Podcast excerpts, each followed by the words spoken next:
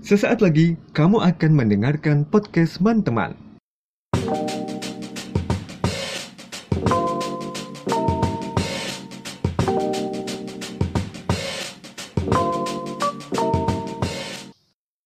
Assalamualaikum warahmatullahi wabarakatuh. Podcast teman-teman kembali hadir menyapa sobat teman-teman Sebelumnya aku mau mengaturkan dulu ya. Taqaballahu minna wa minkum.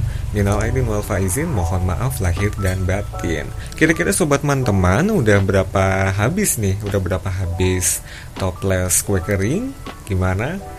Entah itu favoritnya kue nastar, kue kastengel, kue lidah kucing, kue putri salju, atau kue-kue lainnya nih. jangan sampai kalap ya, terus jangan sampai rebutan juga ngabisin kue keringnya.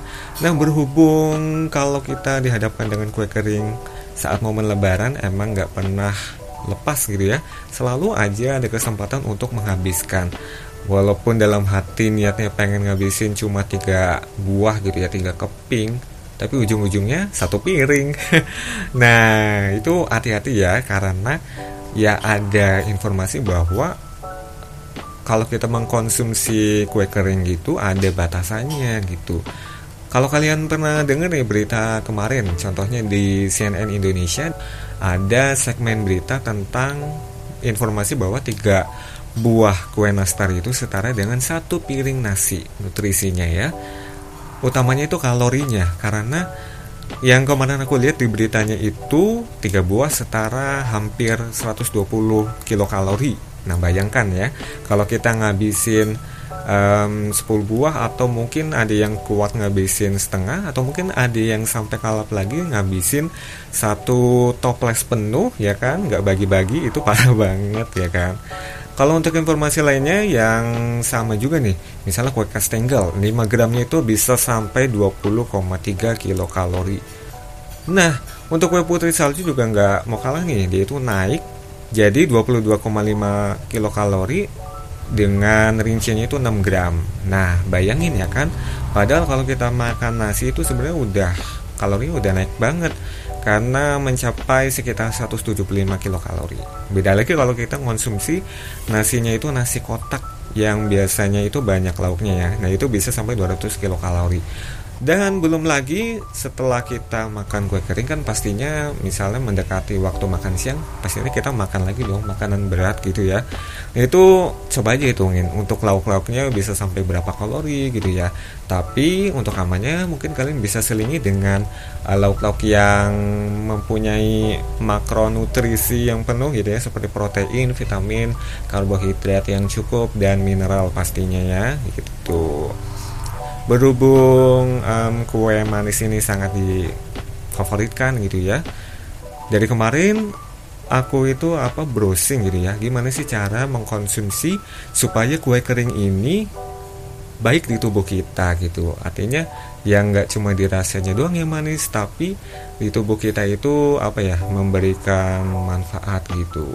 Walaupun memang komposisi kue kering ini kan um, utamanya itu paling banyak gula sama tepung ya. Belum lagi komponen lainnya seperti telur terus juga mentega yang memang itu kan full dairy banget ya.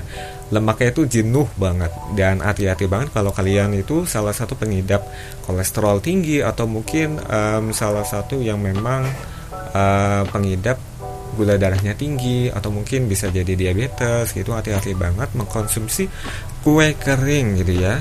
Dan kalau untuk kalian yang sedang diet atau mungkin menjalani masa diet yang sudah beberapa bulan sih it's okay ya. Makan kue kering udah tahu batasannya nih udah kayak udah nggak kalap lagi. Tapi mungkin ada beberapa situasi bahwa um, ketika kalian yang sedang menjalani program diet itu ada kalanya kalian kalap gitu ya. Dan mungkin gimana sih caranya biar kita itu nggak kalap makan kue kering gitu? Jadi aku sempat iseng-iseng follow Instagram yang memang itu kontennya ada yang cukup menarik itu tentang um, konten kalori makanan yang biasa kita makan. Bukan um, makanan yang apa berat-berat tapi misalnya kayak donat terus kue kering terus apalagi makanan kemasan kayak um, ciki gitu ya. Ciki itu merek apa jenis makanan sih sebenarnya? Tapi ya kayak gitu. Dia itu um, memberikan informasi sebagaimana kalori yang terkandung di dalamnya. nggak cuma kalori doang dia itu juga um, ngasih tahu informasi tentang karbohidratnya berapa, terus informasi-informasi nutrisi lainnya.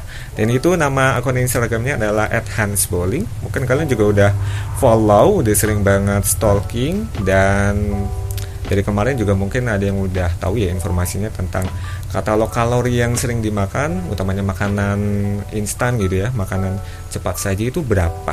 Nah mungkin tahunya dari akun ini gitu ya. Dan kemarin juga aku sempat lihat-lihat gitu postingannya tentang kalori kue lebaran gitu ya. Jadi ada cara kontrol makanan lebaran yang cukup unik menurut Ed Hans Bowling. Nah, salah satunya adalah memakai tempat makanan lebih kecil.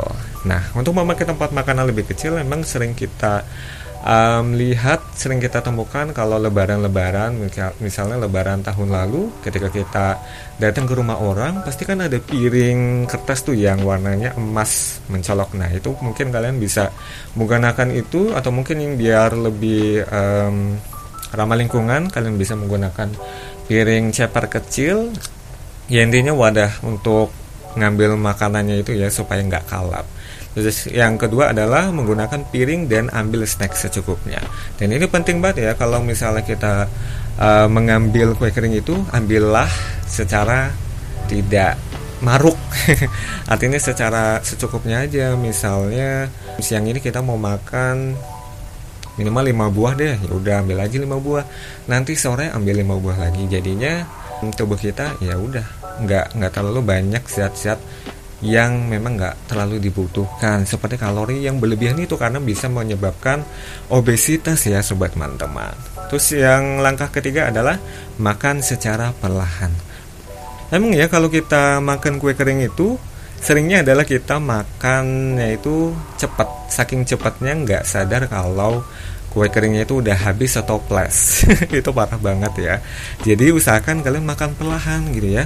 Anggap aja kalian sedang ada di jamuan formal dengan hadapan bapak presiden mungkin atau mungkin bapak menteri dan kalian diusahakan untuk menggunakan etika makanan yang benar dengan makan perlahan. Nah itu pertut di contoh ya.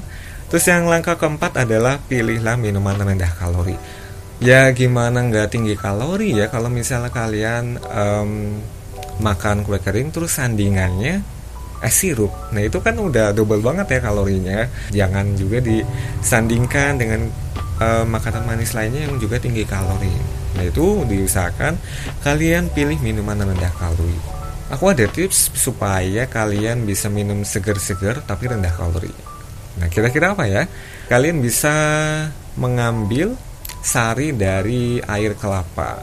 Mungkin kalau yang dijual di pasaran yang bentuknya kemasan kotak itu juga bisa kalian gunakan atau mungkin biar lebih fresh kalian datang sendiri ke pohon kelapa terus ambillah petiklah kelapa itu atau mungkin kalian bisa cari di sekitar rumah kalian yang jual um, kelapa murni yang bisa langsung diminum nantinya ya itu salah satu pilihan yang the best banget sih menurutku.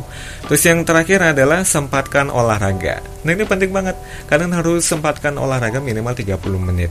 Nah kira-kira kalau dalam seminggu itu kalian bisa menggunakan waktu dua kali seminggu atau mungkin kalian yang lagi semangat banget olahraga gitu ya hitung-hitung menurunkan kalori ini penting banget untuk melakukan olahraga olahraganya nggak usah berat-berat banget kayak olahraga kardio ringan seperti um, kayak jalan di tempat atau mungkin jalan di sekitar rumah, halaman rumah, dan jangan sampai keluar rumah juga ya. Pokoknya tetap di rumah aja kita juga bisa menyempatkan olahraga gitu. Mungkin kalau kalian yang senang banget olahraga untuk menambahkan masa otot, kalian bisa menggunakan olahraga untuk menambahkan kekuatan tubuh, daya tahan tubuh seperti misalnya ada push up, planking, terus burpee, terus um, bisa juga menggunakan equipment seperti dumbbell yang sederhana juga bisa kalian lakukan. Intinya kalian sempatkan olahraga minimal 30 menit. Jadi gimana sobat teman-teman sudah tahu kan bahwa ya di momen lebaran ini kita boleh melakukan hal yang kita sukai. Salah satunya adalah memakan makanan manis seperti kue kering yang memang momennya pas banget dimakan di kala lebaran gitu ya.